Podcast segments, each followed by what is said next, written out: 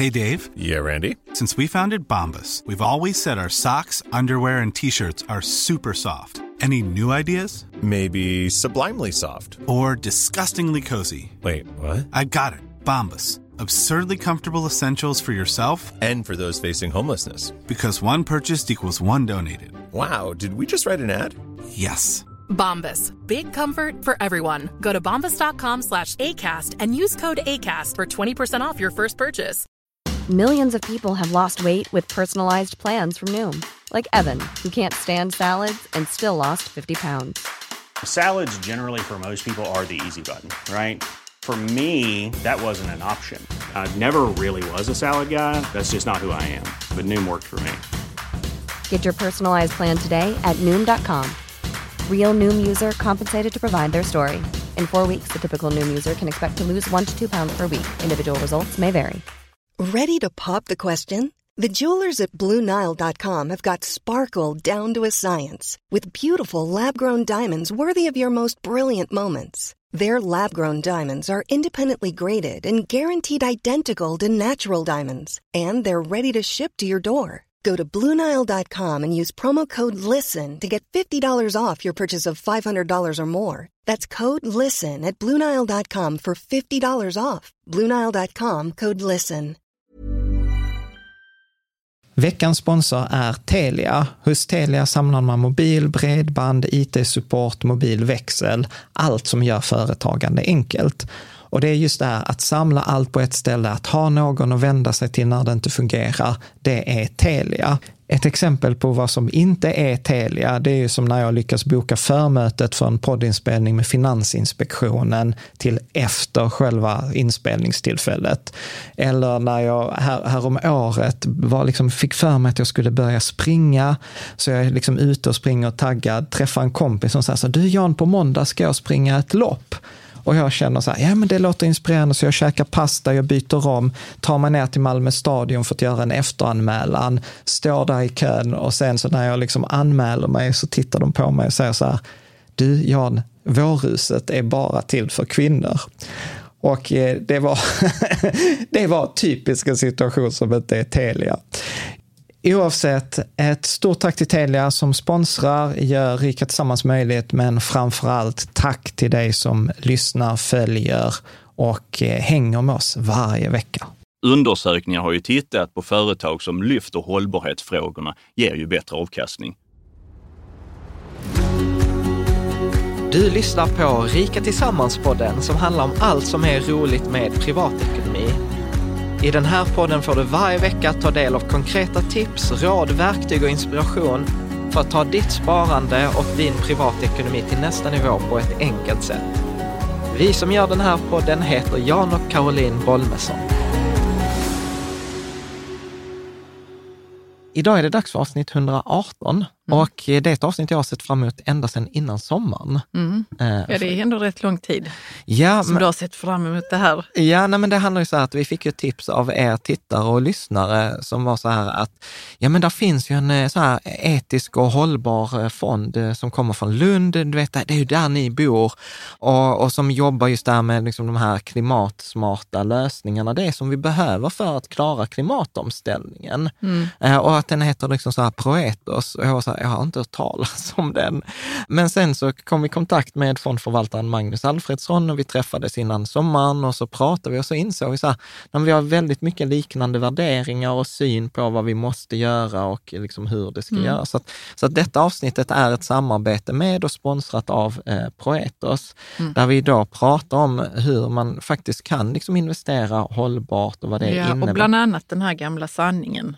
Mm. Att, man, att det finns liksom en motsättning mellan att få avkastning och investera etiskt. Ja, eller så, precis, bara hållbart. Och att den, den kanske fanns innan, men Mm. att den absolut inte är en sanning numera, utan Nej. att vi spekulerade ju till och med i avsnittet att det kan vara så att inför en kommande liksom, börskris eller liksom, börskrasch, då kanske det till och med är så att de hållbara sparandena kanske till och med kommer ha en lägre risk För att liksom, till exempel oljebolagen har massa liksom, eh, risker som Bank of England hade påtalat och sånt. Mm. Men jag tänker att istället för att vi ska... Ja, vi behöver inte summera avsnittet återberätta, nu. nej precis. Så jag tänker att, eh, jag tänker att vi släpper på eh, Magnus Mm. och eh, vi hoppas att du kommer uppskatta detta avsnittet som handlar om hållbarhet och investerande eh, lika mycket som vi.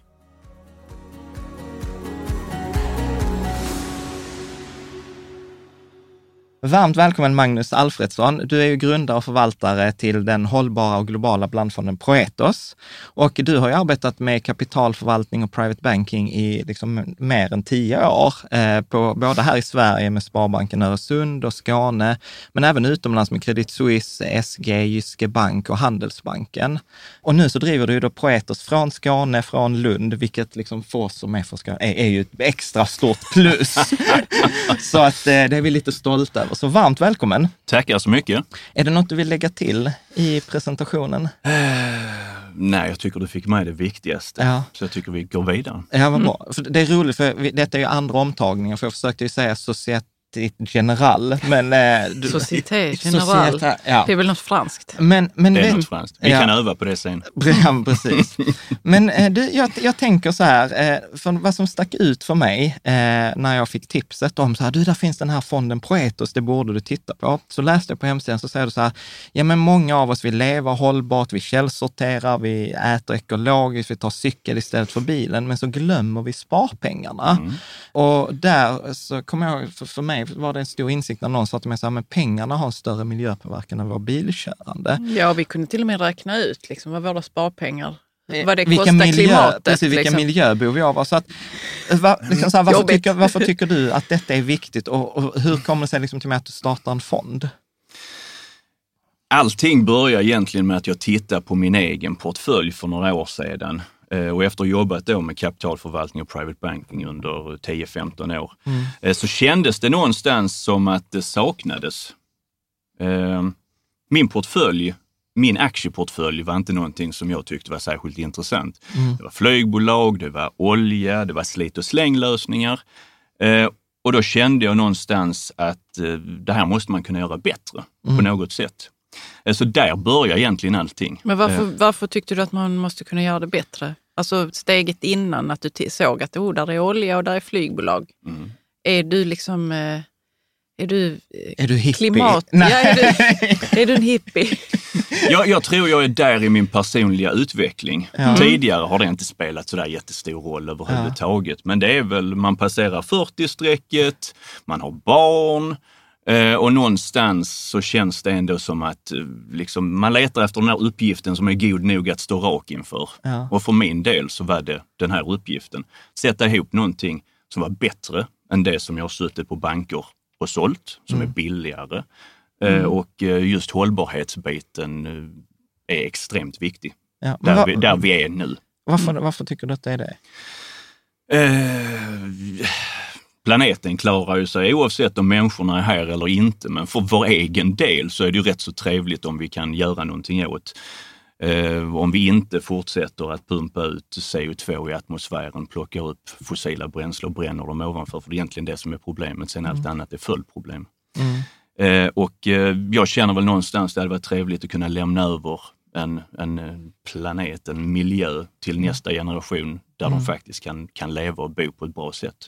Nej, för, för jag tänker att det är så ett supermodigt steg, för jag, jag känner ju mycket folk i finans och du vet, den högsta drömmen är ju att jobba på de här bankerna du har jobbat och liksom så här, flytta till city i London och, och liksom du vet, och det känns ju, du har ju gjort allt det där som många drömmer om och sen bara tackar du nej till det där. Eh, och, och jag Men det kanske är så att man måste göra det först då? För att kunna passera 40, få barn, säga att ja, jag vill ändå lämna efter någonting som jag kan vara stolt över. Kan jag vara stolt över fonderna jag har sålt i city? ja. Eller jag vet inte, vad tänker du Magnus? När jag började med bank så var min stora dröm liksom det här kapitalförvaltning, träffa förmögna människor, flyga fram och tillbaka och sådär. Det var jätteroligt och jag har gjort det. Det har ju varit jätteroligt. Eh, Men det är inte sådär jätteglamoröst och trevligt kanske på alla sätt och vis. Ja. Eh, Där är mycket i den här miljön som jag kanske inte riktigt eh, går med på längre. Ja. Eh, och då känns detta väldigt mycket mer naturligt. Och detta, jag skulle säga, detta är ju framtiden. Mm. Det är ju inte det som, som Ja. liksom bank som det var på 80-talet. Det är ju inte framtiden, Mm. utan det blir mer och mer transparent, mer och mer enkelt. Vi har digitaliseringen som gör att du, du köper saker som tidigare var jätteavancerade. Köper Mm. du med tre knapptryckningar och legitimerar dig med mobilt bank-id och går vidare. Mm. Det är ju framtiden, tycker jag. Ja, det är intressant att säga. Men vad var det i, i eh, när du jobbade i finansbranschen som du inte gillade och som du kanske förändrar nu själv när du jobbar med ditt eget? Jag har haft väldigt svårt för att sälja saker som jag inte riktigt tror på själv. Mm. Så det är liksom en väldigt eh, stor drivande kraft i detta. Det är att sätta ihop någonting som är så bra så jag själv skulle köpa det. Eh, Och det, för, det, för det är det som jag gillar med dig, för det är många, alltså så här, man har stora problem med greenwashing. Till exempel, jag följer ju dig i sociala medier och då var det till exempel så att du hade postat en artikel om BP, som BP säger så här, men vi har en grön profil. Och sen så var det ju någon att de hade lobbat eh, liksom för att öka metangasutsläppen. Eh, i, Så grön var den så profilen. grön var den och jag tror du skrev också så här, ja det finns alltid två sidor, frågan är liksom vilken, vilken tittar man på? och, och där är det ju så att, till exempel du, du skrev ju också på, på er blogg på Proetos hemsida, så att, att det har inte alls visat sig att vara svårt att välja bort flyget. Liksom, hur, hur, nej, för, för egen del har det varit hur enkelt som helst. Alltså Ja. när du reser eller eh, hur menar du då? Men- Välja bort flyget? Tidigare i, mitt, fonden, ti- ti- nej, ti- ti- tidigare i mitt liv så har jag flugit väldigt mycket. Ja. Jag har flugit på affärsgrejer och jag har flugit mycket privat och sådär. Men sedan jag startade det här företaget så har jag inte flugit en enda gång. Och det har inte varit svårt alls.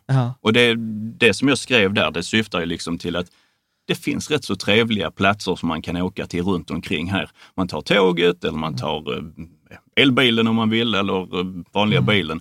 Eh, Man kan ha möten via datorn. Alltså det är inte så att man måste träffas hela tiden. Nej. i Genève, jag, liksom. Jag, jag, jag, har, jag har mycket möte med företag, personer i Stockholm, men jag är aldrig i Stockholm. Det gör vi på Skype och på telefon. Eh, och så vill jag ha det. Eh, Och, och jag tänker också så här, för någonting som du också skrev om är ju att, eh, att, att vissa saker verkar så här, nu bara hittar jag på här, men lite fött i en frustration. Och, och där så har du också skrivit så här att, att, jag, att du tycker att det är väldigt konstigt att det hållbara sparandet ska vara dyrare än det hållbara. Och sen gillar, Ohållbara. Ja, nej, men precis. Och sen så skrev du också, så här, och detta är ohållbart för spararen. Vill, vill du utveckla vad du Ja, menar? det kan jag göra. För det, för, för det första, om, om vi går mot en mer hållbar värld så borde ju alla olika företag verkligen lobba för de hållbara lösningarna. Om det finns två eller tre olika lösningar, då borde det ju vara den hållbara lösningen som man lobbar, som man ville sälja mer av. Eh, och då kan man ju inte, så som jag ser det, höja priset på det för att det är en liten lyxlösning. Nu har vi ännu ett lager liksom med värde här. Vi har en hållbar lösning. Ja, okej, så man höjer det priset för att man tycker att vi har ännu ett värde i, i Vi- det? Eller är det det Ja, att det men- kostar mer på något vis? Vissa produkter kostar väl kanske mer. Någon ekologisk eh, produkt Mm. i livsmedelsbutiken eller någonting ditåt. Och då kanske det kostar mer att producera det. Men det finns ju saker som kanske inte kostar mer. Eh, och eh, jag, jag skulle bara gärna vilja se att man lobbar mer för de hållbara lösningarna. Och, Och gör det enklare kanske för kunden att köpa det? ja, Ja, så Och- det inte blir så att man själv måste, åh jag måste leta upp det här själv och det var ju dyrare. Och, så det blir svårt. ja, det liksom. blir ju en tröskel. Jag Ja, menar, en- har du två Två olika alternativ. Eh, och det ena kostar 10 kronor och det andra Mm. kostar 12 kronor. Då är det, jag har full förståelse för att man Mm. drar sig, oh 12 kronor, jag köper den som kostar 10. Men jag, jag tycker en, en fråga som jag tycker är väldigt svår är ju att, att om, om, så här, betalar jag med, med avkastning idag för att jag vill spara hållbart? Mm. Vad skulle du svara liksom, på den frågan? Nej. Ja, nej. För det, det tycker jag är superspännande, för det, det lever ju som en, som en sa- sanning där ute. Eh, kan jag Ja, men uppleva- så, så har det varit tidigare. Så har det varit tidigare. Där är en eh, bankpersonlighet i Sverige som Mm. har gått ut och sagt att investera pengar etiskt, det innebär att man tar liksom den, den, den långsamma vägen på, på motorvägen. Mm. Eh, Men så är det ju inte längre. Eh, undersökningar har ju tittat på företag som lyfter hållbarhetsfrågorna, ger ju bättre avkastning, så Mm. som det är nu.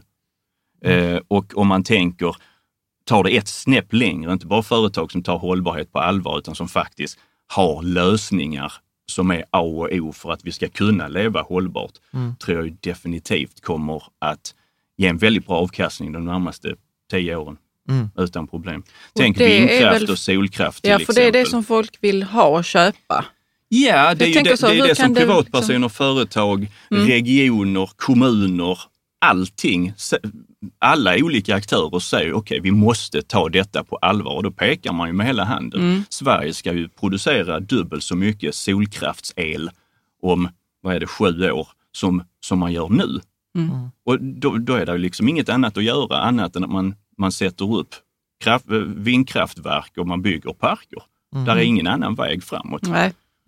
Mm. För, för, jag, för jag tänker att den andra, den andra aspekten är också som du skrev på, på bloggen om det här med, vad var det, Bank of England, eh, som hade, jag tror du Det som skrev, går ut och varnar. Ja. precis. Där de skrev liksom så här, eh, nu ska jag läsa min dåliga engelska, men sudden and severe losses would be incurred by anyone holding so-called stranded assets. Ja.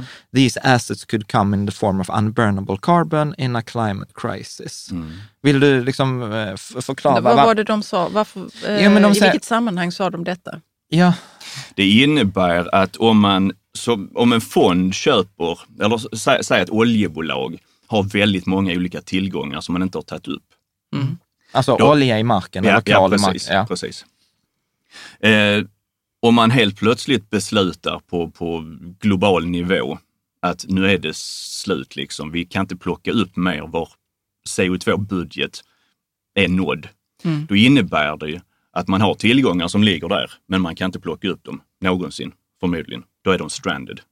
Ja. Eh, Och det är ju det som Bank of England har skrivit en artikel som vi sen har skickat vidare eh, om just den biten. Och, och det kan ju innebära att många liksom fonder eller då bo, äger bolag som i sin tur säger så att ja, men vi har tillgångar värderade för liksom 100 miljoner. Men sen kanske så här 50 av de miljonerna får de inte lov att använda. Och vad, vad händer då med aktiekursen? Ja, men den lär ju dyka. Mm. ja, och vet man inte det då att ja, de har tillgångar som de aldrig kommer kunna plocka upp, då har man, kan man inte fly Nej. i tid, om man nej, säger så. Nej, men precis. Och detta här är ju storpolitik. Detta är ju enormt. Det är ju sådana Ja. vär- värden så att det, Mm. det är helt otroliga eh, Mm. nivåer på det här. Mm. Eh, Men det är väldigt intressant också att se vad som händer. Mm. För helt, helt plötsligt kommer man väl till en tipping point när man får ta det på allvar. Mm. Och då kanske det blir så här att man kompenserar. Så att okej, låt det ligga, men ni får betalt för detta och detta. Mm. Eh, Kan jag väl tänka mig att kan vara vägen framåt. Jag ser ingen annan väg egentligen. Mm. Men eh, tror, alltså så här, du vet, när, det är så svårt att spekulera i framtiden, Mm. men tror du att detta ligger liksom i närtid eller behöver det bli liksom så här, du vet, kaos och du vet, blixtar från himlen och sånt innan det där händer? Liksom, eller? Vi är ju inte så bra på att anpassa oss till förändring utan det är ju lite mm, den där eh, fisk, fiskskålsvarianten. Man sitter där, blir det lite varmare så påverkar det inte sådär jättemycket utan det är någonting som måste hända. Så det är möjligt att det blir så. Eh, kanske en ny president i USA, det hade ju säkert kunnat göra, göra stora förändringar. För, för jag tänker, för det är många som pratar om det här, men, men det känns inte liksom som att man har börjat ta hänsyn till det. Alltså, Alltså kan du bara specificera, specificera? Man pratar om, Nej, men om vi pratar om de här stranded assets, alltså Ja. det här att Mm. företag, för jag upplever så här att ja, men vi pratar om det, du pratar om det, men om vi skulle ta eh, liksom eh, generell storbanksfond, så upplever jag så här att de skiter i vilket. Jag tror inte de skiter i vilket, men de har väldigt mycket olika intresse. För jag menar, en, en, en, ett fondbolag som ägs till 100 procent av en bank, Ja. fondbolaget kanske har sin åsikt och man vill, vill justera liksom sin portfölj på ett särskilt sätt. Men då ägs man ju av en bank som kanske gör jättemycket affärer med, med de här bolagen redan. Eh, Så det är säkert inte lätt för dem. Mm. Jag kan mycket väl tänka mig att det, det, det är en knivig fråga. Mm. Eh, Men eh, olje, energibolagen och oljebolagen tar ju detta på allvar. Detta är en seriös risk så som de ser det. Mm. Man lyfter fram det i årsredovisningar. Och Man gör liknande. det? Ja, Ja. det gör man. Ja. Mm. Ja, jag tänker vi, vi, vi, vi kan ta en läsarfråga. ja och den kommer från Sebastian. Mm. Hur får vi hållbart sparande att gå mainstream? Så länge fondrobotar och Sju- Sjunde AP-fonden och så vidare inte investerar hållbart är det ju mest småpengar. Jag tror det går sakta men säkert och jag tror att den här förändringen sen Jag tror att det blir en multi- multiplikatoreffekt eh, som, som gör att eh, det, där är ju bara en väg att gå.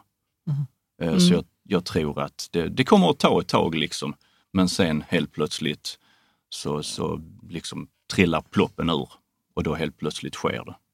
Men för det där kan jag fas, fas, fascinera mig ibland. Att liksom, jag kan ju också vara bara, vi, vi kan ju bara, det är ju bara en riktning. Men, men det är ju ändå... tycker ju du. Ja, precis. Det tycker Vi ju- tycker ju det. Ja, men det är ju många som liksom inte tycker det här. Mm. Liksom hur är, hur är liksom, vad tycker, om vi hade haft en sån person här, vad hade, vad hade de argumenterat mot oss? Liksom, vad hade de sagt? Ja, förmodligen så hade de väl lyft, lyft den där gamla sanningen att eh, man får ju inte så bra avkastning. Mm. Det brukar vara det som man hör. Eh, Men eh, för att slå an där frågan, jag, jag tror inte detta är ett jättestort problem. När jag träffar folk som är mellan 18 och 25 Ja. så är de ju med på detta liksom 9,5 av 10 personer. Ja. Det är ju när man kommer ut och träffar folk som är Gubbiga. 50, 60, 65 eh, som säger ah den där Greta hon ska hålla sig i skolan ungefär, den Ja. nivån. Eh, Men naturen har ju liksom en, en, En gång. en, en, en gång så det, det kommer ju att rätta till sig. Ja. ja, men det, det är roligt att du säger, du säger det för att eh, vi köpte en sån här elcykel Mm. efter att vi hade haft Sören Andersson här. Så var det så här, fan vi måste köra mindre bil. Så vi köpte Vilket en, vi har gjort. Vilket- ja, Snart precis. 20 mil. Ja, minst. precis. Så vi köpte, och det var så roligt för att vi- jag var lite stressad och så tog jag bilen och hämtade min dotter, då Fre, eh, vår dotter Freja. Du vet, jag fick sån utskällning framför hela fritids, bara så här, pappa, detta är sista gången du hämtar mig med bilen och du vet att det inte är miljövänligt och jag vill att du cyklar för att annars vill jag inte följa med. Du vet, jag går hem. Och jag var bara så här, okej, jag lovar, jag ska aldrig mer hämta dig med bilen. Så att jag tror nog att, som du säger, att, att vi... Ja, för vi, dem är det levande, att vi kan inte hålla på som Ja, vi för gör. dem är det liksom. nog på riktigt på en helt annan nivå. Än, än De har ju fått det liksom så Ja. tidigt i livet att man skräpar inte ner, ja. Man eh, tar helst inte bilen, Fly, att flyga är dåligt också. Alltså, De har fått det så tidigt. Vi har ju fått det nu när vi är 30 plus, liksom, Ja. eller 40 plus till och med.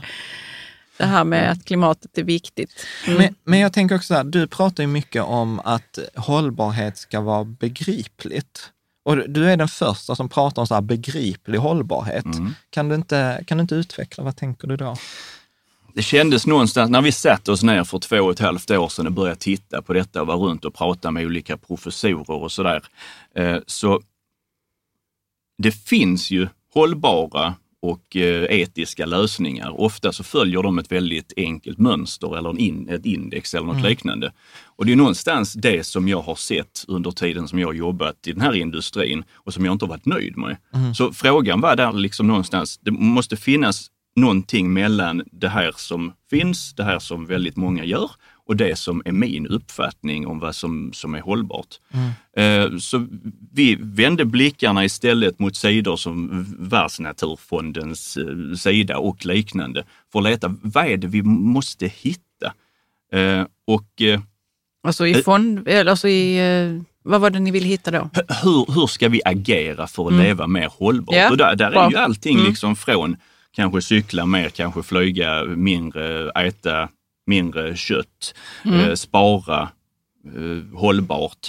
Eh, Plast, sånt. Ja, Mm. le- LED-lampor och Ja.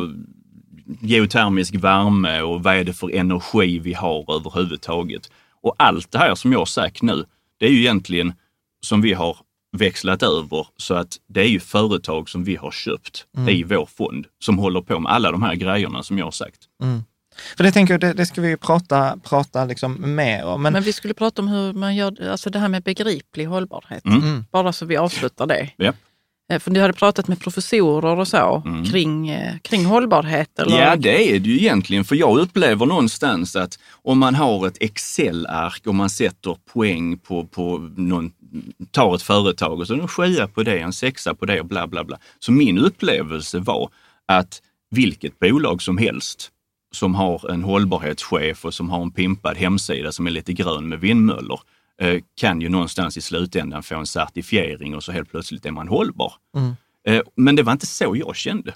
Nej. Utan då vill jag hellre investera i ett företag som kanske bygger vindkraftverk eller tillverkar cyklar istället för att investera i ett, eh, vad ska vi säga, ett oljebolag som, som, Som har en fokuserar profil. lite Ja. på att sätta upp, eh, ja, bygga vindparker någonstans. Mm. Men, hur- men hur gör man då? Alltså, om man till exempel sitter och man är intresserad av hållbarhet, liksom, vad är dina bästa tips? Både liksom kanske vad man kan göra i livet, för du har ju verkligen funderat på det här med att nej, men jag reser inte utan jag tar med digitala möten eh, etc. Mm. Så om, om vi börjar där, vad, vad skulle du säga är liksom bra hållbarhetstips för vardagslivet? För det första skulle jag säga att man ska inte må dåligt över detta. Det är ingen Mm. sån där ångestvariant, utan Nej. gör det som känns rätt. Mm. Ligg inte vaken på nätterna. Och liksom, men i de valen som man har i livet, Mm. och det är ju liksom efterhand. Glöm det som man har gjort sen innan, men efterhand nu och framåt, Mm. det är liksom bara anpassa. Det är ju små grejer. Jag äter lite vegetariskt, eller vegetariskt oftare än vad jag åt innan. Mm. Och det tycker jag funkar hur bra som helst. Nu kör jag omkring med en elbil, men Mm. innan så gjorde jag inte det. Och jag menar, jag har inte jättedåligt samvete för det, Mm. utan det är valen som, som jag gör nu, försöker jag ta in den aspekten. Mm. Men ibland så kan man, ibland så kan man inte och ibland är det en prisfråga. Ja, men jag gillar det du säger, men jag tänker också sådär att det är ju jättelätt att ha klimatångest. Mm. Men att om man istället funderar över så, vilken vegetarisk mat gillar jag? För det kan ju vara så att man bara tycker det är jättetrist. Liksom. Det har ju du och jag pratat om. Vi har gjort vegetarisk mat som bara har varit trist. Men då får man köpa Nej, en då bättre gillar vi indiskt vegetariskt. Då kör vi på det. Så att det blir lustfyllt, Mm. tänker jag. Så, så resonerar ju Elon Musk också med Tesla. Att det ska ju vara en, roligt att köra en miljöbil. Mm. Ja, det är liksom. klart. Mm. Rent av sexigt. Rent av sexigt, ja. Precis. Och, och, och jag tänker så här, och när man tittar, eh, liksom så här, när man tittar på företag, eh, och liksom så här, vad, vad är din erfarenhet? För till exempel, jag har pratat med någon som sa tipset så här, ja, om man ska ta en första sortering, de som åtminstone pratar om eh, liksom, hållbarhet, är åtminstone mer intresserade än de som inte pratar om hållbarhet. Vad, är- vad är liksom, hur, hur tänker du när du liksom, vad tittar du efter? Vi, vi har ju ett, ett regelverk som är Mm. rätt så begränsat. Eh, och det är inte där att vi omsätter jättemycket aktier, utan Mm. vi letar upp företag som är noterade, som är hyggligt Mm. stabila, eh, som håller på med de olika, inom de olika områdena där vi tittar. Mm. Eh, och sen köper vi då, tanken är liksom att ha det långsiktigt. Mm. Det är inget, nu köper vi det i den här månaden och så säljer vi det om tre månader för vi Mm. Tror på ett case eller något liknande. Utan det är långsiktigt. Mm. Nej, för, för det vet jag också att du har ju på, på hemsidan har du en lista med alla Mm. bolagen och du har till och med skrivit eh, liksom i ena kolumnen, så, vad är det för bransch Mm. eller vad, vad gör de? Men när du tittar på det, för jag blev lite nyfiken så här, för det handlar ju också om att lära sig själv. Vad, vad tittar du eh, efter, liksom, när du tittar på de här bolagen? Är det liksom... När, när vi tittar efter Ja, nya precis, bolag. ja, precis. Jag har väldigt mycket hjälp när det gäller den biten. Jag får tips från, jag har ett advisory board som hjälper mig med lite eh, tips när det gäller Ja. olika företag. Eh, jag har ett samarbete med Internationella miljöinstitutet Lunds universitet där en grupp som heter LEAP Strategy Team Mm. eh, som är studenter och eh, doktorander eh, som träffas var sjätte månad. Mm. Eh, och då brukar de komma med en lista på, Ja. på lite olika. Det, jag har en kortlista som vi går efter Ja. och den fylls på hela tiden. Ja. Så det, Mm. det är folk som Härligt. brinner för detta. Folk Ja. som har tittat, hittat olika företag som är intressanta. Ja. Nej, men förlåt för att jag hänger fram, för, för jag tycker det där är ju super. Så det var egentligen så här, du, du har svarat på frågor jag har lite längre fram. Men, men jag tänker ju så här, alltså, är det viktigt att, att liksom så här, n- när man tittar på ett företag, för vi har ju många läsare som till exempel också har eget, liksom inte bara fonder, men är det så här, är det viktigt, är det viktigt att de är miljöcertifierade? Eller är det att de har en CSR-profil? Alltså, för, för, förstår du vad jag menar? Va, Det- det- hur hur det- vet man att någon som så här, det här BP-grejen, det Mm. låter jättefint på hemsidan, men sen sitter de och lobbar för metangas. What the fuck, liksom. Mm. Eh, Jag skulle säga rent generellt så är det absolut inte en förutsättning att de är certifierade på något Mm. sätt. De företagen som har en affärsidé som är hållbar, en produkt som är hållbar, behöver ju kanske inte hålla på med detta Mm. på det sättet som ett företag som känner kanske att man inte riktigt är där. Mm. Eh, Så nej, inga certifieringar och det, Det behöver absolut inte Och vara dels på det, det du sa att det skulle vara begripligt också, att man kan se direkt. Mm. Produkten är miljövänlig liksom. Mm. Ja, Mm. ja, men precis. Mm. Sen är det också så att du har på hemsidan skrivit så här att eh, många som förvaltar pengar vill gärna ge intrycket av att det är svårare än vad det är. Mm. Kan du inte utveckla? Ja, spännande fråga. Ja. Man kan väl säga så här att om du kan få någonting att framstå som mer komplicerat så kan du ta bättre betalt. Mm. Så enkelt är det ju. För då känner kunden, "Uff, här, oh, är det så många sidor där? Och, eh, Det är Jag behöver ju 40 verkligen hjälp med detta. Ja. Ja, det är Mm. 40 analytiker som sitter i Zürich. Alla har kammat sig med en kotlett. Eh, Nej, men det, är ju någonstans, liksom, gör du det verkligen, verkligen avancerat Ja. eh, så får ju folk en känsla av att det här, det är tufft och så lite privilegierat. Ja. Får jag verkligen detta? Ja, ja men då Ja. kan jag betala de där 1,7 procenten för fond-i-fond-lösningen. Ja. Eh, Men det, det är inte riktigt det jag tror på, utan det är enkla lösningar. Nej, men jag gillar ju mycket för att du pratar ju så här begripligt och sen, sen pratar du faktiskt också om rättvis avkastning. Mm. Det hade du som en sån att det ska vara rättvist. Vad, vad, tänker, du, om- vad tänker du om det? Det är ju så här att du får den avkastningen som motsvarar risken över tiden. Det är ju det som teorin säger.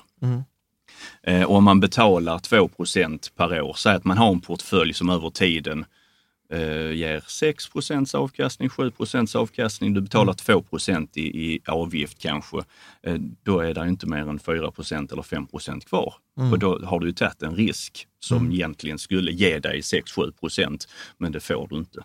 Eh, så någonstans, betalar du för hög avgift så, så är, uppfattar inte jag det riktigt som rättvist. Mm.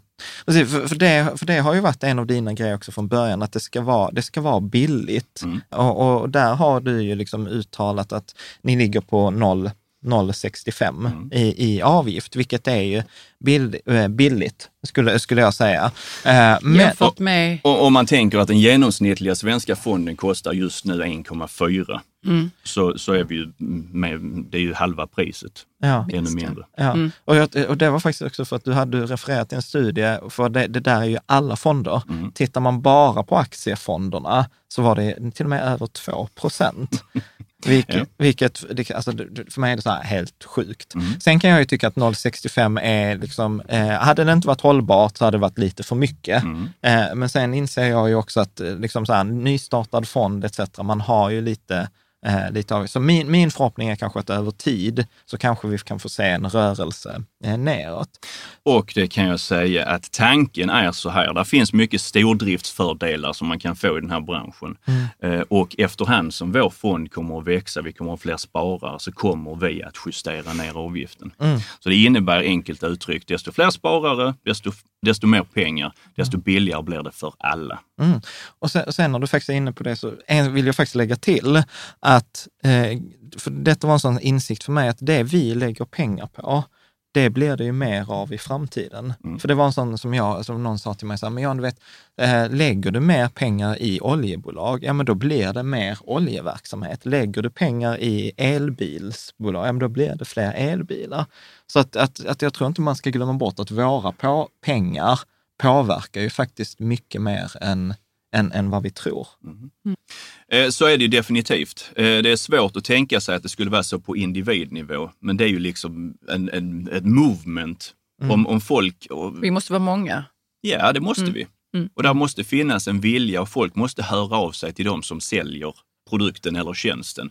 Eh, Ja, men och det och är inte, bra bara, du inte bara säger sitta det. och sura, utan Ja. logga in på sin bank så att man är en person och så sen skicka frågor eller ställa frågor eller önskemål eller säga att man vill ha Proetos fond eller vad som helst. Mm, Precis. Nej, för det tror jag också många gånger att vi underskattar den makten vi har. Eh, att, för det vet jag att vi har ju varit så här uppmanat läsa med så här mejla och det, det har gjort att företag har ändrat i sina prioriteringslistor för de märker så här, gud, eh, detta verkar ju något att kunna ha. Och, och sen är det faktiskt ett trick som jag ska då avslöja här, för jag har, jag har drivit företag, jag har suttit i kundtjänst och det kan vara så att man har tusen kunder. Men om det är så att 20 av dem hör av sig liksom samtidigt om samma fråga, då upplever man det i en kundtjänst som en folkstorm. Ja. Och då börjar man det rapportera vara 20, det. Det behöver inte ens vara 20. Men alltså, det är så här, för att vi människor är inte gjorda för statistik. För det är ingen som tänker att, nej men hallå, det är bara 2 procent av alla våra kunder. Utan man upplever så här, det är så här, Det är ni- jättemånga det är som hör av sig nu. 90, det vill säga 90 procent av våra ärenden handlar om hållbarhet. Eh, Så att man, man kan använda det. Men jag tänker att vi- där är en eh, fråga från eh, en läsare om det här med avgiften. Ja. Hans Eriksson undrar. Avanza visar 0,94 trots att Proetus har 0,65 i avgift. Hur kommer det sig? Kommer transaktionsavgiften kunna gå ner och i så fall varför och när? Det är så här att när man startar en fond och man inte har så mycket förvaltat kapital, så under den tiden som det ökar, och speciellt om det ökar rätt så kraftigt, eh, så blir det en missvisande siffra. För man tar transaktion, de, de faktiska transaktionskostnaderna som, som fonden har haft i form av courtage när man köpte aktier. Eh, sen delar man det med förvaltat kapital och då tittar man nu och så sen så tittar man ett genomsnitt kanske ett år bakåt. Och då helt plötsligt blir ju det snittet väldigt mycket lägre om fonden, eh, förvaltat kapital i fonden ökar. Speciellt om det ökar kraftigt. Ja, så om man har mycket miljarder i en fond så, så, blir, Så den påverkar mycket mindre så blir transaktionsavgiften i procent. procent mindre. Mm. Man kan säga att siffran blir mer rättvisande om, om den förvaltat kapital inte ändras över tiden. Ja. Då, då, då stämmer det ju liksom helt och hållet från, från månad till månad. Eh, Men när man har en fond som ökar eh, förvaltat kapital eh, från, ordentligt, procentuellt väldigt mycket från månad till månad, eh, så hamnar man i, i det här dilemmat. Och det är alla nystartade fonder som, som har bra, ordentliga inflöde eh, drabbas av detta. Så jag tänker att det viktigaste är ju att titta på så här, vad är den årliga avgiften? För det är ju den som är liksom konstant. Det är ju den som är den Men det, viktiga. vad vet, hur, det står det, vad den årliga Ja, avgiften ja, det är? står på Avanza så står det liksom avgiften, sen står det årlig avgift eller så kan man titta i fondfaktabladen. Ja.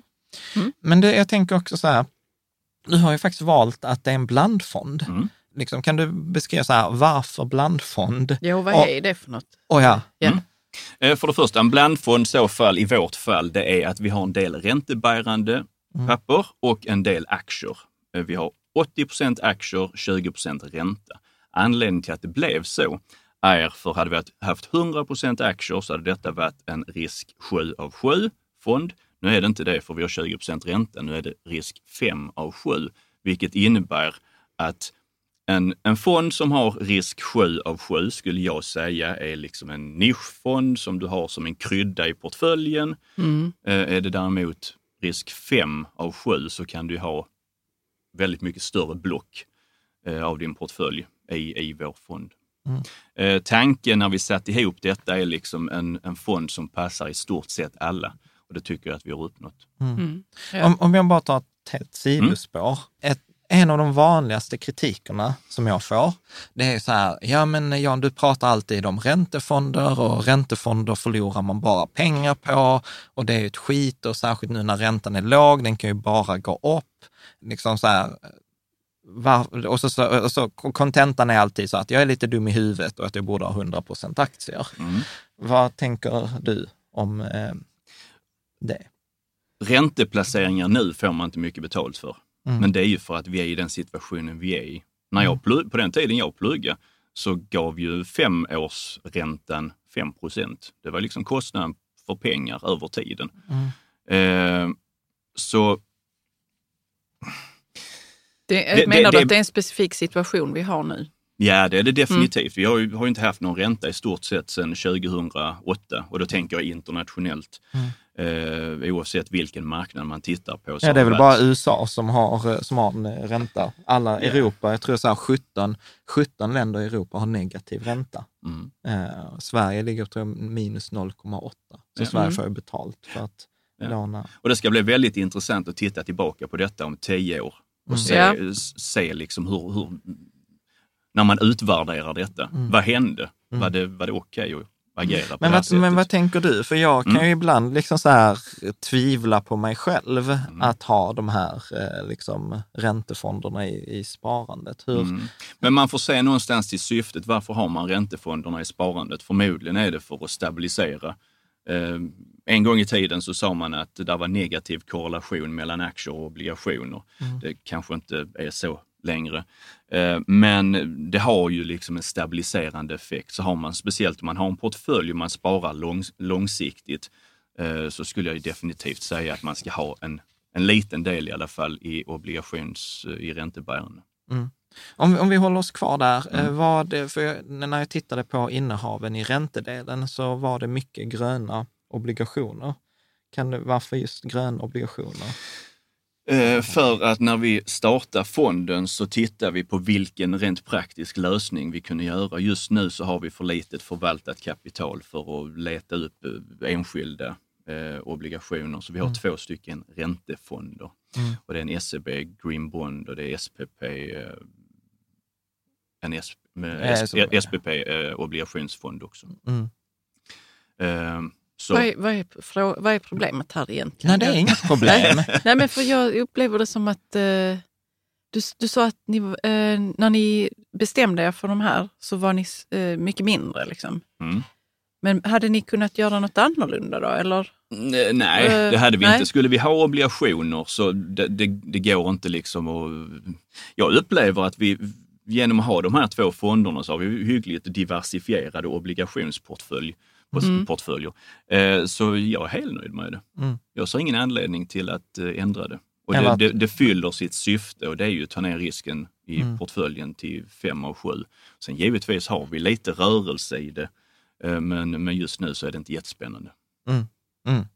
Eh, och så, vad tänkte Nej, du? var, nej, det var bara roligt att du använde det begreppet att det inte var jättespännande. Det ska det ju inte vara heller. Nej, nej, spar, Nej, det. Sparande och investerande ska inte vara spännande. Nej, vi, vi, bruk, vi, Nej, men vi brukar säga det att det liksom, Sparande ska vara lika, lika kul att se på som måla, se målarfärg torka eller se gräs växa. Så att jag är helt eh, inne på det. Men eh, kan, du, kan du säga någonting också där om gröna obligationer? För där finns ju mycket åsikter om det där också. Eh, just nej, men gröna obligationer, så här, eh, det, Ja. ja vad är det i dem egentligen? ja, vill du säga någonting om gröna obligationer?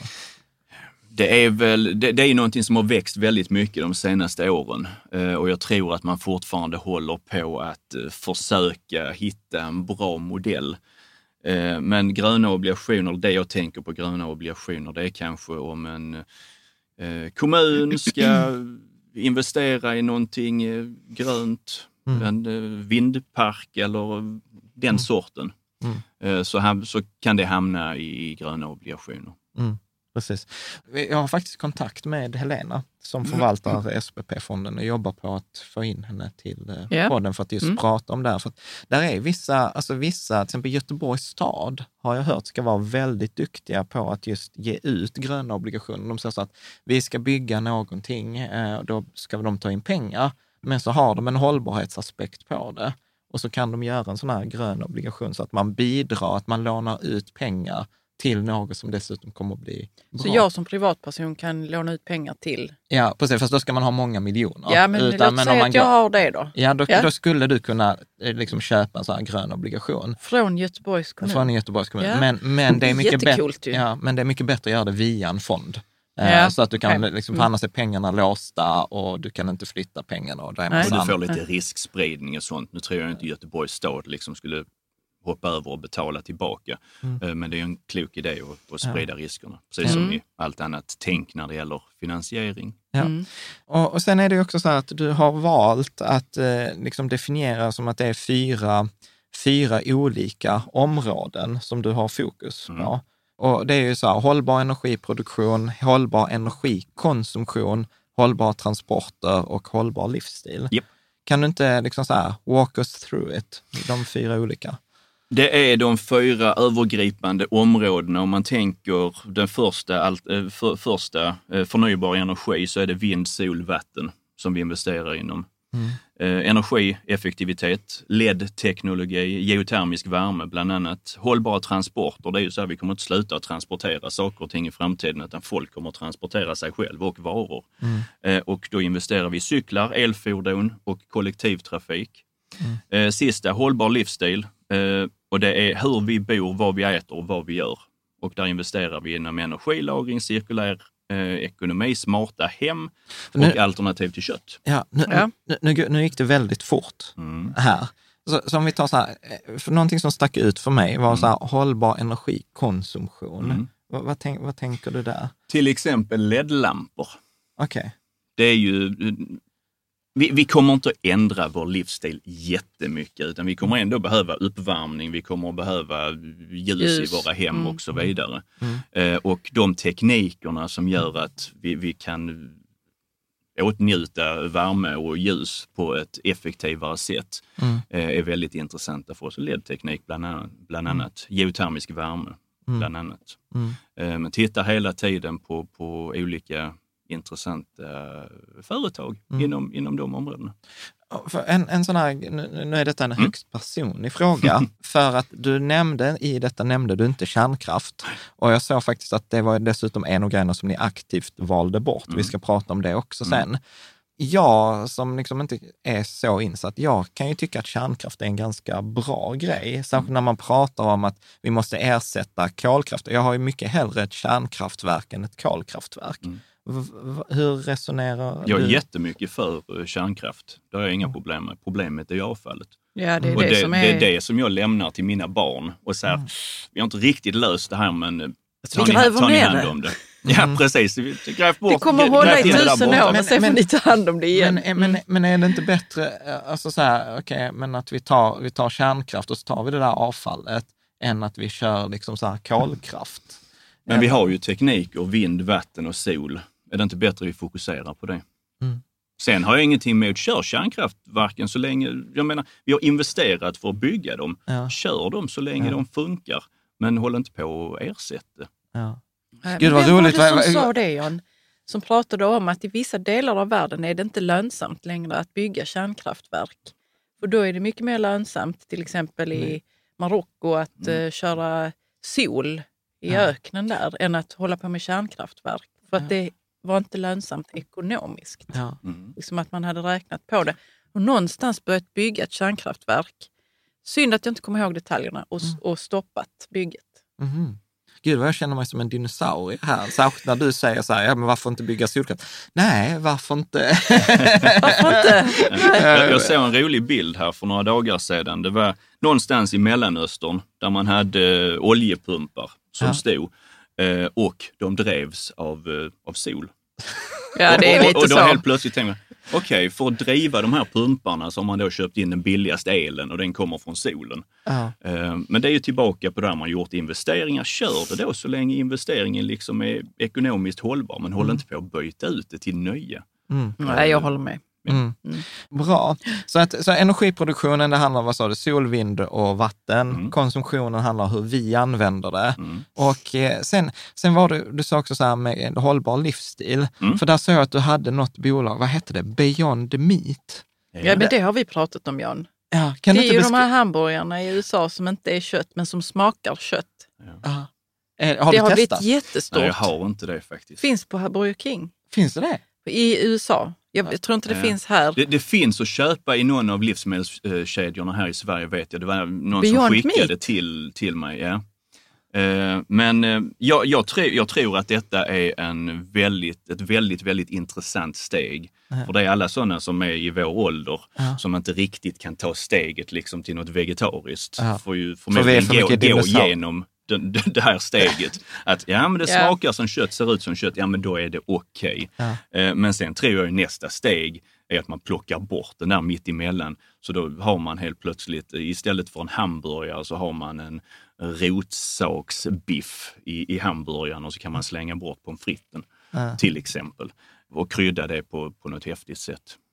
För varför ska vi ta vägen om eh, och ha växter och försöka göra om dem så att de är Och som det är ju bara kött? för att vi ska klara av. Ja, Ja, ja, det är- Vi saknar den där umami-smaken som, Ja. som kött ger. Liksom. Ja, men det vet du, för du, du köper ibland där, vad heter det, umf. Ja, Eh, och det tycker jag liksom det är helt, helt okej. det har konsistens som Ja, kött. det har ja. konsistens. Eh, har du några fler sådana här roliga, typ? För detta var sådana bara så, fan vad coolt. Eh, alltså, för det, Ja, förlåt, det Lite blir, sexigt. ja, men det blir lite hip-faktor liksom. Eh, på, och, Ja, men där, där, jag tror att det kommer fler sådana här bolag. Ja. Där är olika amerikanska bolag som håller på med sånt här.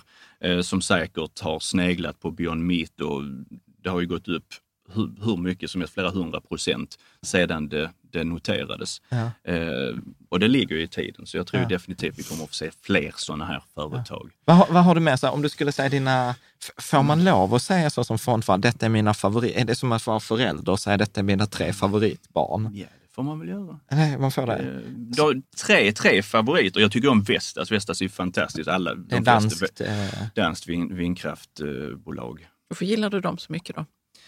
De är stora, stabila, de hade svenskar i ledningen tidigare, ger bra avkastning eh, och håller på med någonting som jag tycker nej, det känns väldigt vettigt. Mm. Det är helt, helt rätt ur ett hållbart perspektiv. så mer förutom Vestas.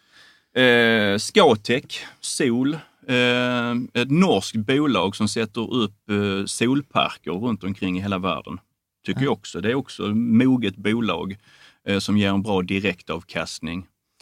Eh, Nibe, svenskt bolag, gör eh, Luftvärmepumpar. ja, Ja. olika effektiva lösningar för att vi ska få värme i våra hem. Ja. Mm. Det var tre. Ja, om du ska ta någon till. Någonting. Är det något särskilt i syfte? på? Nej, nej, inte alls. Nej, men för jag, vet så att, jag vet att många läsare och lyssnare tycker att sånt här är spännande att höra att man får lite inspiration till, till sig själv. Ja, men då skulle jag säga i så fall, gå in och kolla på den listan som ligger Ja. på hemsidan. Där är 35 olika bolag och det är i 12 olika länder tror jag. Så jag menar, det är väldigt utspritt. Eh, De senaste månaderna har, jag tittat, har vi tittat rätt så mycket på bolag i Nya Zeeland och Australien som har, som har kommit rätt så långt när det gäller vattenkraft och vindkraft och solkraft. Eh, Så väl, väldigt intressanta bolag där. Ja. För det där är också ganska kul, för det är oftast inga problem för oss att köpa aktier på amerikanska börsen.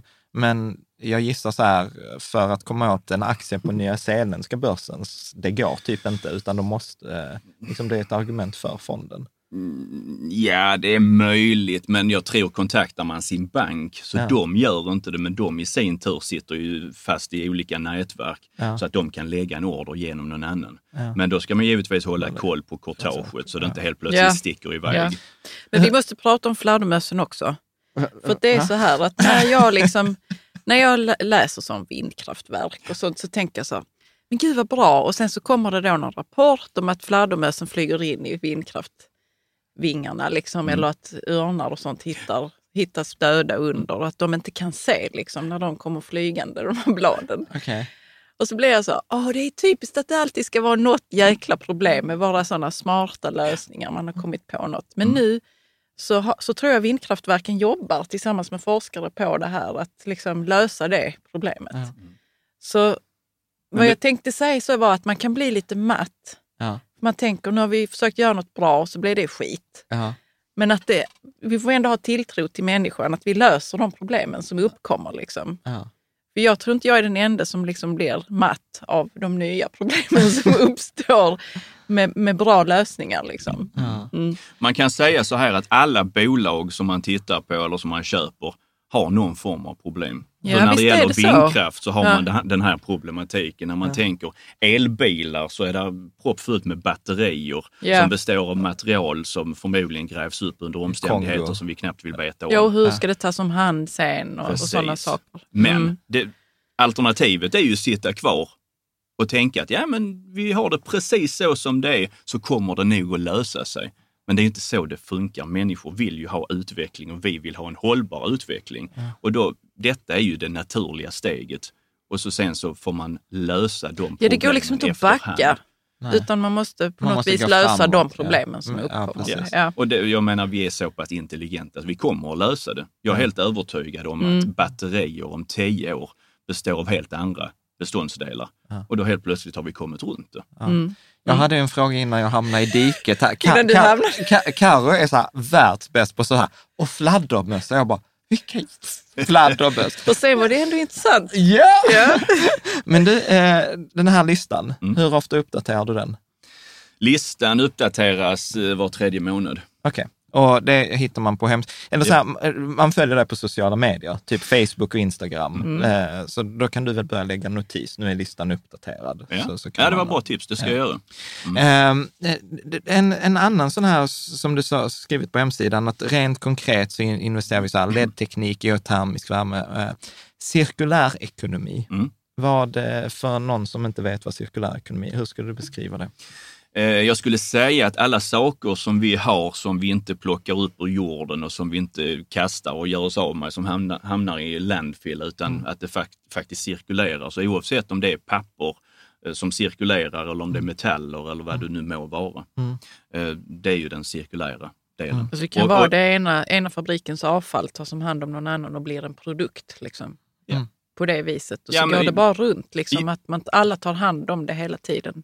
Ja, och så möjligtvis får man förädla, man får liksom snygga till det någonstans i, i cirkeln. Men, men eh, när jag satt i, i, i bilen här så, på vägen hit så tänkte jag att det hade ju varit helt fantastiskt om den här elbilen hade varit återvunnet material allting. Och så sitter man och börjar tänka, okej, undrar vad som hade kunnat vara det. Metallen hade ju liksom kunnat vara det. Och, och så börjar man med säte och hela den biten. Och jag tror att väldigt mycket mer av de sakerna som vi har runt omkring oss hade kunnat vara helt återvunnet. Ja. Eh, men det är ju säkert en prisfråga. Mm, Absolut. Jag tänker så här, det, det där är ett sånt vi ska göra ett avsnitt. Så det finns något som heter Donut Economics och liksom sådant också. Eh, ja, detta är också så här, jag vet inte om jag läste detta hos dig, men energilagring. Mm. Var det här med salt eller? Mm. ja, det har inte jag inte hört någonting Nej, om. det var bara så här, slog mig i bakhuvudet. Men du Fin- nickar, Det eh, finns ett svenskt bolag som heter Saltex som håller på att titta på olika lösningar där man kan lagra energi i eh, salt. Eh, som... Alltså som värme eller? Ja, ja. Jag, jag tror det är så här att man, man värmer upp det och så sen så lagras energin där och så sen så har man en process för att plocka ut det när man behöver det. Mm. Eh, För det, för det där är sjukt coolt. Eh, tänker jag så här med batteri, alltså så här hur man lagrar energi. För jag hade en kompis också som var- han projekterade, då köpte han gruvor, i nedlagda gruvor. Och sen så vattenfyllde eh, fyllde han de gruvorna. Och sen, när, sen hade han liksom, när elen var billig, då pumpade han upp allt vattnet. Och sen när elen var dyr så hade han turbiner och då vattenfyllde han hela gruvan igen. Och då, då utvanns ju energin i de här turbinerna. Hänger med? Så gruvan och vattnet var som ett stort batteri. Och jag bara så här, det där var ju inte det jag tänkte på när man pratar batteri. Men det Nej, finns... det är verkligen utanför boxen. Ja, eh, och det tycker jag så här, det finns så många företag precis som så här, ja, men vi lagrar energi i salt. Bara, hade inte kommit på Jo, det men det själv. ger hopp om framtiden tycker jag. Ja. Mm. eh, Men om vi, om vi hoppar, hoppar tillbaka eh, så brukar man också prata om, eh, eh, både när man jobbar med etiskt hållbart, att med inkludering och exkludering. Mm. Och vad är det som ni exkluderar, eller du exkluderar? det mesta, utom det vi inkluderar. Som vi, om vi vänder på det på det sättet. Ja, men bra, då tar jag Ehm. fram min fusklapp. Okej. Eh, För jag har faktiskt skrivit, skrivit ner. Du skriver så här, vapen, alkohol, tobak. Kom, kom, jag kan ta Ja, dem. Kommersiell spelverksamhet, pornografi, fossila bränslen, kärnkraft. Det var det jag reagerade Mm. på innan. Och sen gillar jag denna. Företag som har sin juridiska hemvist i länder med hög korruption. Mm.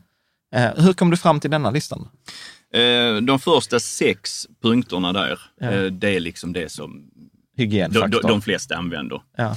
Eh, sen la vi till eh, två och två till. Det var ju kärnkraft eller kärnkraftsavfall. Ja. Eh, och då tar man ju bort kärnkraft också. Ja. Eh, vilket innebär de stora energibolagen Ja. trillar bort.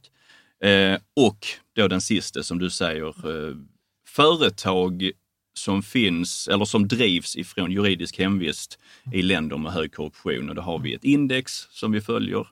Det innebär rent praktiskt att det är de europeiska länderna, företag i de europeiska länderna, Nordamerika, Australien, Nya Zeeland och sådär som vi investerar i. Eh, och ja, sagt det så plockar vi bort BRIC-länderna till exempel. Och det är inte för att jag tycker jätteilla om dem på något sätt, utan det är för att man har inte den transparensen. Det är alltid en politisk risk att investera i Ryssland till exempel. Eh, man har inte journalistiken, man har inte kanske den redovisningstraditionen som vi har i Sverige. Mm. Så det var väldigt enkelt att plocka bort det. Sen fick vi formulera det på ett lite speciellt sätt. Mm. Men, eh, men jag är väldigt nöjd med det. Det, det innebär att man plockar bort väldigt mycket risk. Istället för att bara säga att detta är en global fond, vi investerar i allt. Ja. Magnus, du har ju aktivt valt att inte arbeta med påverkan. Och hur kommer det sig? För att eh, det är en stor maskin att göra det. Eh, det tar rätt så mycket resurser och de resurserna kostar pengar och då helt plötsligt så får man liksom ta betalt för det. Eh, sen är jag inte helt övertygad om att det ger sådär jättemycket resultat. Kan säkert ge resultat när det gäller vissa företag, men eh, det är svårt att kvantifiera det också. Man kan inte säga att just det där beslutet skedde på grund av att vi har påverkat här och här. Ja, andra företag då, inte, inte politiker utan så, utan det är företag. Ja, för man brukar ju prata om i det här ESG, alltså miljö, social och governance. Och Ja. governance är det så här, nej, men vi påverkar styrelsen. Vi, Ja, sitter, precis, ak- ja. Mm. vi är aktiva ägare.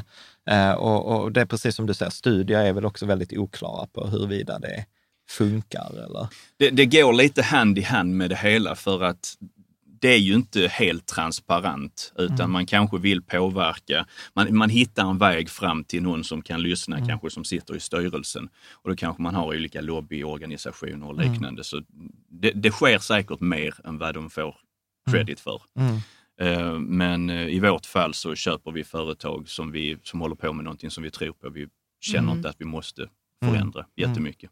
En, en sån här grej som man ofta också pratar om i, i samband med hållbar, så brukar man ofta prata om etiskt och hållbart. Du Mm. pratar ju nästan ingenting om etiskt. Hur, eh, liksom, är det någon speciell anledning eller?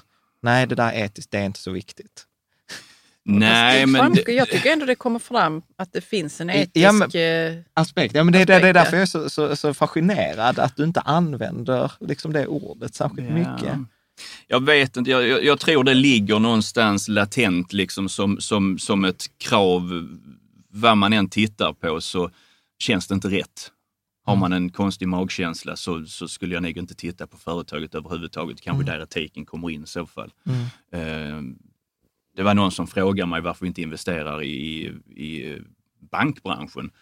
Eh, och, eh, jag har ingenting med bank, bankbranschen, det känns väl jättebra, men vi skulle inte investera i företag som håller på med utlåning till folk som kanske inte borde ha utlåning. Eh, och det, det är en sån här begränsning som inte står med någonstans, men det skulle jag det är absolut en underliggande värdering ni har som, som Ja. vi kanske inte pratar så mycket om. Nej, men som det där, en, men, som men ett det- buzzword. Liksom. Ja, men precis. Men sen tror jag att vissa saker är, alltså det, det är som basal grej, att man tänker inte ens på att, att, att säga, säga det som, som exempel, vi har också här, kasinoreklam, aldrig. Trots att jag får Nej. varje vecka får frågor så här, kan ni inte göra en annons för bettingsajt? Bara, nej, det kommer vi aldrig eh, att göra. Eh, vi hade en fråga från eh, Evelina. Så de här, för det är, 80, det är en global fond, eh, 80 procent i aktier och 20 procent i räntefonder. Men då frågar jag så här, hur är procenten Sverige-världen? Just nu så är procenten mellan 20-25 procent Sverige Mm. eh, och ungefär eh, samma andel USA och så sen är det resten av världen. Mm. De resterande 50 procent om vi pratar bara aktiedelen. Och är det någon speciell att detta är vår policy eller det har bara blivit så det är där vi har hittat bolagen? Det, det, det är där det kommer att ligga förmodligen framöver. Mm. Vi har känt efter och det känns rätt så bra med tanke på att fonden är i svenska kronor, spararna konsumerar och lever i svenska kronor så känns det som att det var rätt så klokt att ha en högre del svenska kronor. För, för det, det är också så här, det är ju inget som är unikt för dig, men där är ju en valutarisk eh, som medför. Vill du säga någonting om den? Ja, definitivt. Eh, Jag ser eh, valutan som någonting väldigt positivt. Vi hedgar inte, vi skyddar oss inte mot valut, valutasvängningar. Utan går dollarn upp så, så, så ger det extra pengar i, i, i form i, i, svenska kronor. Så Det är jättepositivt. Eh, Men genom att, genom att inte skydda sig mot valutasvängningar så, så får vi en, en adderad diversifiering. Eh, Och det är bara så vi har valt att göra. Vi har varit väldigt tydliga med att vi, vi, vi tar inga bett. Nej. Utan man, man köp, hur- köper det så långsiktigt hänger man med. Om vi bara tar så här sidospår. Mm. Vissa säger så här, på lång sikt så spelar inte valutan någon roll. Nej. Håller du med om det eller tänker du att nej, men det är en riskspridning? ja men då blir det ju en riskspridning. Ja. Och om det är ett nollsummespel Ja. så blir det automatiskt en, en, en riskspridning. Ja, det har du ju. Ja, jag hade otur när jag tänkte, så nu fortsätter vi. Eh, vi Men kan- Evelinas fråga här. Ja, Mm. eh, ska vi fortsätta med den? Nu, nu får du en tuffing. Mm. Evelina är en tuffing. Ja. Hur ser du till exempel på Marocko, eh, som är ett av de länderna som är närmast att nå alla de här målen med enorma mängder sol och vindinvesteringar, men som samtidigt ockuperar Västsahara, vilket fördöms av FN. Mm. Men, men Marocko som land, vi skulle inte köpa obligationer där. Nej. Eh, Så då antar jag att vi pratar om ett företag som finns, Mm. Drivs från Marocko. Eh, Jag tror inte det kommer med på listan på grund av Nej. korruption, utan Mm. det är Europa, Mm. eh, Nordamerika och Mm. Australien, Nya Zeeland. Ja. Sen för mig hamnar det lite som i det här fladdermusexemplet, att liksom att vissa saker, alltså det är väldigt svårt att vara så här 100 procent bra. Tänker att där är ju alltid utmaningar med, med de där. Eh, en annan sån här grej som vissa pratar om, så här, svanenmärkta fonder, där har du också aktivt valt att inte certifiera. Mm. Eh, ja, det har jag. Eh, det var så här att för två och ett halvt år sedan, när vi höll på att dra upp riktlinjerna för hur Mm. detta skulle se ut, så funderade vi fram och tillbaka om man skulle certifiera. Och det finns ju en hiskelig massa olika certifieringar. Och då tittade vi på en internationell certifiering och så gick vi in och läste på lite. Och Vilken var det? vi går inte in på det. Okej. Eh, men då var det så här att man, man, man kunde mycket väl betala en avgift och få, få använda den här certifieringen och så Ja. gick man med på att man skulle göra så gott man kunde. Ja. Eh, och då tittade jag på andra bolag runt omkring som hade anslutit sig till detta och då kändes det som att vi ville inte vara med i den kategorin. Det finns, jag är helt övertygad om att det finns många olika certifieringar, bättre och sämre. Ja. Eh, Men någonstans satt det ribban och då kändes det som, glöm det, vi, vi är helt transparenta istället och så håller vi inte på med några certifieringar. Och det kostar ju extra också. Ja, det gör det. Men är det inte svårare att hitta er då också? Eh, på till exempel Avanza? Om man... Jo. Mm. Eh, Tittar man, där finns ju olika utsökningar som man kan göra och vi finns ju inte med i någon av dem. Mm. Eh, Men eh, Men jag, det, Ja. det, det är ett Ja. beslut vi har tagit och Ja. jag är helt nöjd med Men att jag, vi kör vidare. sen. jag, jag, jag är precis på din sida. För mig spelar inte certifiering. Jag är lite bränd av sådana här certifieringar och sen är jag hellre, tar hellre, precis som du säger, så här, låt oss sänka avgiften. För det är så långt mycket viktigare och viktigare för oss småsparare än, än att det är liksom eh, svanenmärkt eller någonting annat. Eh, jag tänker vi har inte så många frågor kvar. Eh, ska du ta Mattias frågor? Mm. Mattias från Patreon. Mattias skriver så här, finns det några, några annorlunda risker med en hållbar portfölj när man kliver in i en lågkonjunktur? Man kan väl säga så här att om man ska investera, om man har en horisont som är en månad eller två eller ett år, så ska man ju inte hoppa på den här fonden. Då finns det ju bättre alternativ. Utan detta här är om man ska spara liksom pensionssparande, man sparar till sina barn, man sparar till sina barnbarn eller något liknande. Det är, Lång det är le- liksom. längre sikt. Mm. Jag Eh, brukar, och- jag brukar säga 5 till 10 år. Skulle du hålla med? Ja, i, i fonddokumentationen så, så står det f- fem år plus. Så det, Ja. det är en rätt så, man, man ska ha det med, Mm. med sig. Eh, om man då till på köpet månadssparar så helt plötsligt har du ju jämnat ut. Då är det ju bara positivt med en lågkonjunktur för då kan du köpa billigt Mm. eh, under, under hela lågkonjunkturen. Så jag tror man får titta på vad syftet med sparandet är. Mm. Och så sen så får man ju känna efter där. Tror man att det blir billigare och bättre att vänta en månad eller två eller sex månader så får man ju göra det.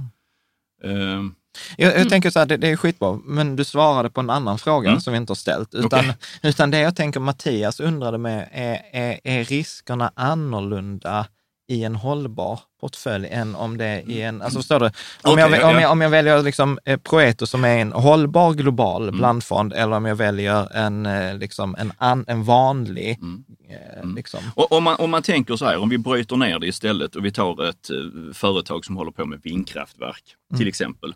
Eh, tror vi att efterfrågan minskar avsevärt för att vi går, ner i, eh, går in i en lågkonjunktur? Det finns ju två sidor på det. Det är någonting som säger att genom att vi har ett globalt mål som vi måste uppnå så borde ju efterfrågan fortsätta. Mm. Oavsett om det är högkonjunktur eller lågkonjunktur, för beslutet är ju förmodligen taget på helt andra premisser än de rent ekonomiska. Mm. De, Ja. Man har ju förmodligen tagit beslutet utifrån att nu ska vi dubbla vindkraftuttaget. Eh, Till ett visst Ja. år liksom. Ja. Mm. Eh, Så ur det perspektivet så skulle det nog varit, så kan jag nog tänka mig att det är lägre risk inom vissa hållbara områden.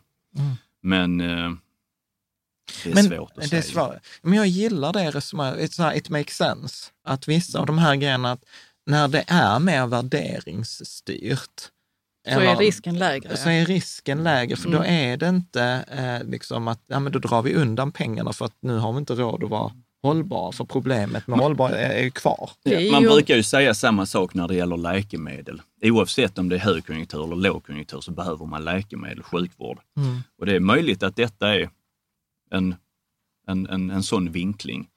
Att eh, oavsett om det är högkonjunktur eller lågkonjunktur så kommer man ändå fortsätta enligt plan och bygga eh, vindkraftverken och bygga ut eh, cykel, cyklar, cykelleder och elbilar och laddstolpar och ja, äta vegetariskt och så vidare. Mm. Ja, vilken, vilken, vad fint det blev faktiskt. Ja, alltså, Alltså, Mattias, om vi nu har förstått Mattias fråga rätt så, så undrar han ju om, det finns någon annan risk. Liksom, Mm. Medan vi och vi kommer, kommer fram till att det kanske är lägre risk till och med. Ja, och det tyckte Ja, jag var, skulle kunna vara i alla Ja. fall. Mm. tycker jag är kul. Mm. Han frågar också, ska du ta Mattias sista fråga? Ja, hur ser du på framtidens investeringar? Är frågan. Eh, alltså för, för fonden, vil, vilka... Ja, jag vet inte. Det är väldigt oklart Det är oklart, Mattias det- menade. så jag att vi satt får- också och tänkte, så är det vi vi han får- menar eller är vi det får världens, här. världens Precis, investeringar? Mattias, nästa gång, lite tydligare, tack. Eh, ja. Men om vi tar Proetos Mm. framtida investeringar. Ja, och vart världen är på väg. Alltså, Ja, båda. till- alltså så här, för att elbilar, du skrev det på bloggen också, liksom för tio år sedan höll Volkswagen på med Dieselgate och, och nu säger de så här, vi ska ha 50 procent eh, elbilsproduktion. Ja, det går Mm. snabbt alltså. Vad tänker du? Om du ska spåna framåt? Jag tror att eh, den här omställningen kommer att ske. Mm. Och jag skulle säga att detta är en rätt så trevlig omställning. Det är ju en ren, snygg omställning. Eh, och eh, jag tror att det kommer att gå fortare än vad vi har räknat med. Mm. Eh, jag tror det kommer att vara exponentiellt. Mm. Vilket innebär att vi går och snackar om det och det skrivs i tidningarna och skrivs mer och mer och så helt plötsligt så exploderar det och så är det krigsrubriker överallt. Och så är det bara så. Mm. Eh, Så att alla beslut, liksom, man har med sig den, den hållbara aspekten i allt. Mm. Eh, Och där känner jag inte att vi kanske är nu. Eh, I alla fall inte på, på enskilda företagnivå. Mm. Ehm, så, men det ska bli väldigt intressant. Det är ju, det är ju en, en, en tid framöver där det kommer att hända väldigt, väldigt mycket. Det är Mm. väldigt mycket förändringar. Och folk gemene man är ju inte positiva till förändringar. Det är en sån här grej som, oh, nej, nej, vi ska inte ändra någonting. Såvida Men inte så- det blir bättre omedelbart. Liksom, då ja, kan men man inte tycka så. Nej, men, men om jag bara får fråga. Eh, Indien till exempel eh, finns nog inte med på listan över länder där ni... Men där, där jobbar man ju mycket med den här hållbara utvecklingen. För man behöver göra det. Folk har inte tillräckligt med toaletter och så. Då måste man göra tillräckligt med toaletter men som inte ser ut som västvärldens utan smarta på något vis. Liksom, där man, ja. Där finns ju jättemycket spännande teknologi. Men skulle ni kunna gå in i ett sånt land och säga så, det här, det här är framtiden här. Detta företaget gör något som, är, som kommer att spridas. Liksom. Förstår du vad jag menar? Ja, inte under de här premisserna. Så, så som regelverket är nu så kommer vi inte att göra det. Nej? Ehm, Men visst, det är, det är ju så här, många av de här länderna har ju är ju i en väldigt intressant situa- situation för de, de hoppar över en del av utvecklingsstegen och så går man direkt på nästa. Eh, Och så är det jättemånga människor som behöver det. Så det finns ju pengar i det.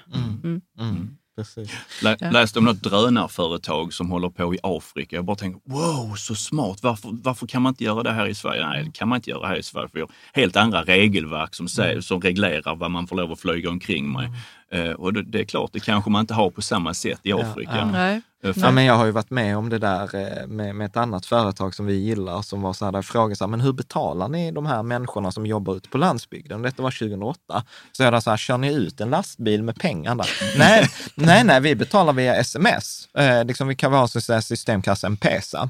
Och sen fem år senare i Sverige lanserar storbankerna så här, Swish, nu kan du via telefonen skicka pengar. Och min tanke var så här, du, landsbygden i Kenya hade detta för fem år sedan. Eh, och, och, och då blir Ja. det liksom att de, de gör de här generationshoppen Mm. och det är väldigt kul. Du, vi har några sista frågor här innan vi avslutar. Ja. Du skriver på hemsidan så här, Proetos fond förvaltas långsiktigt, inte helt passivt, men nästan. Passivt, är- passivt är ju en indexfond. Mm. Så det blir ju inte passivt med tanke på att det inte är en indexfond. Eh, Men vi är hyggligt nära. Så att, och, och, det gillar jag också. Och du, det är inte som att du säger så här, ah, men detta företaget har de kommande sex månaderna turnaround case. Det är, utan detta är liksom så här, detta är bra bolag långsiktigt och de är bra för, eh, för världen. Bra. Vi har ju några här frågor vi alltid brukar ställa. Eh, så här, har du liksom ditt bästa så här ekonomiska citat eller, Oh. Bästa ekonomiska citat. Eller så här mantra eller du vet så här, detta. Om du skulle ge dina barn, du har ju också en... eh, Mm. Eh, Nej, det är i så fall tillbaka till det som jag sa innan, att man söker efter en, en uppgift god nog att stå rak inför. Faktiskt. Ja, en tror det är mer, uppgift, liksom. mer en, Mm. en livsfilosofi som man i så fall kan tillämpa på det mesta. mm, Mm. Eh, mm. om det duger. Ja, ja absolut. Är, är, så här, en fråga faktiskt som jag kom på nu som jag inte hade skrivit upp. Är, är, är det någon missuppfattning som du har liksom stött på, som folk har en missuppfattning om, om, om dig eller Proetos? Mm, nej, det är i så fall det vi har varit inne på tidigare, att man tror att man, man ger upp avkastning Ja. eh, för att man, man investerar hållbart eller etiskt. Ja. Och Det, det är, det, så, det är ju väldigt vanligt. ja. och det är så himla skönt, för du är så här, det är ingen tvekan, nej det gör man inte. Nej, men de studierna som man har tittat på på senare tid har ju egentligen kommit fram till att eh, de företagen som tar hållbarhet på allvar, som har Mm. hållbara program och sådär, eh, ger minst sagt samma, Ja. men ofta bättre. Ja. Och det ham- hamnar inte om liksom att dubblera Nej, eller något nej, nej. liknande. Utan någon det han, ja. handlar om att man får Ja. lite extra. Men, men, och, men vet du vad, för mig handlar det inte ens om att jag behöver det där extra, utan för mig ha- handlar det om det viktigaste är att det är ingen motsättning mellan att göra gott och tjäna pengar. Mm. Och, och, det, och om jag då har valet att jag ska placera min pension, jag ska placera mina sparpengar, ja men då kan jag väl för bövelen placera dem på ett sådant sätt så att det bidrar till, liksom, till bra grejer. Att det blir bra för planeten, blir bra för, för barnen eh, liksom och sådant. Och, så att för mig är det nästan viktigare. Sen att det är dessutom bättre och att risken blir lägre, det, det, liksom, det hade jag liksom inte ens tänkt på. För mig blir det en bonus. Liksom. Eh, jag tänker vi ska, så här, eh, sista frågan. Är det någon fråga som så här, du önskar vi hade ställt, något som vi inte har tagit upp? Mm, jag tror vi har varit inne på väldigt mycket. Så jag är rätt så nöjd. Mm.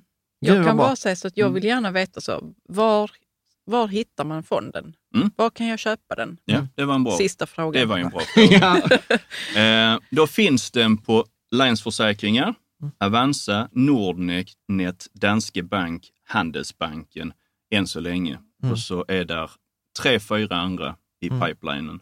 Eh, men det finns, vi kommer uppdatera den listan. Eh, den finns ju på hemsidan. Ja, för ni har så här, köp fonden eller börja spara i, spara i fonden. Japp. Och sen är det också så här att eh, du har inget nyhetsbrev, men man kan följa dig på sociala medier, på Instagram och, Instagram och Facebook. ja, och LinkedIn. Ja. För Faktiskt, det är, där, det är där jag har eh, kollat. Eh, och då är det bara pro etos. Liksom, vi kommer lägga ut en eh, länk också i, i samband. Konstigt namn, bra fond. Ja, v- hur är namnet? Eh, det, det är l- lite, lite leka med ord här. Pro är ju pronomen, betyder för, etos eh, betyder att vara moralisk. Eh, Så det är, det är inte svårare än så. Ja.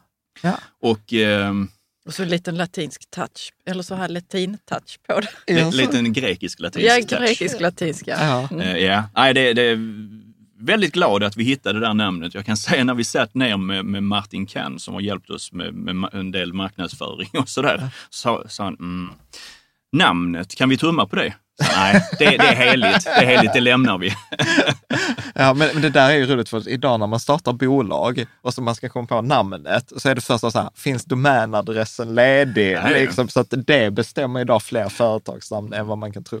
Men vet du vad, jag känner att liksom så här, detta är ju ett ämne som jag tycker är så himla viktigt, så himla spännande. Så att, eh, och jag känner att liksom, där finns ju fler fler resonemang att ha, särskilt kring det här att, att tänka på att ens pengar gör faktiskt väldigt stor skillnad. Och jag blir så glad att du säger att nej, men det är ingen motsättning, utan vi kan göra gott. Så att, fantastiskt stort tack, Tack. Magnus. Och, Tack själv. och Väldigt hoppa- trevligt att vara här. Ja, och jag hoppas att du vill komma tillbaka i framtiden. Definitivt. Tack så mycket. Tackar.